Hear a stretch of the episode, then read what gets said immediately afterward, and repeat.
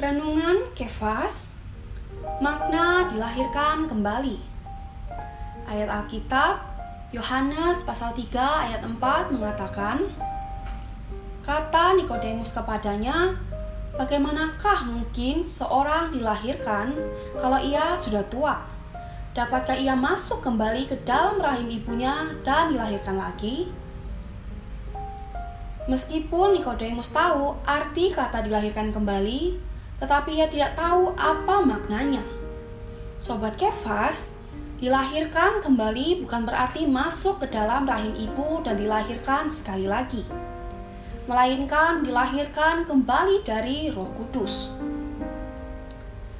Yang dilahirkan dari Roh Kudus adalah roh dan hayat Allah.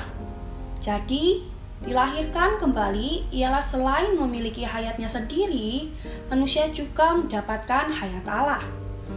Roh Allah masuk ke dalam diri manusia, menaruh hayat Allah ke dalam diri manusia.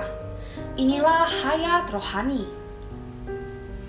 Meskipun tidak terlihat oleh mata jasmani, tidak teraba oleh tangan jasmani, namun bisa diketahui. Karena itu Tuhan Yesus berkata, bahwa hayat yang dilahirkan oleh Roh Kudus ini seolah-olah seperti angin. Terang hari ini, apakah kamu mau menerima hayat Allah masuk ke dalam kamu? Apakah kamu juga berbeban membawa anggota keluarga kamu menerima hayatnya?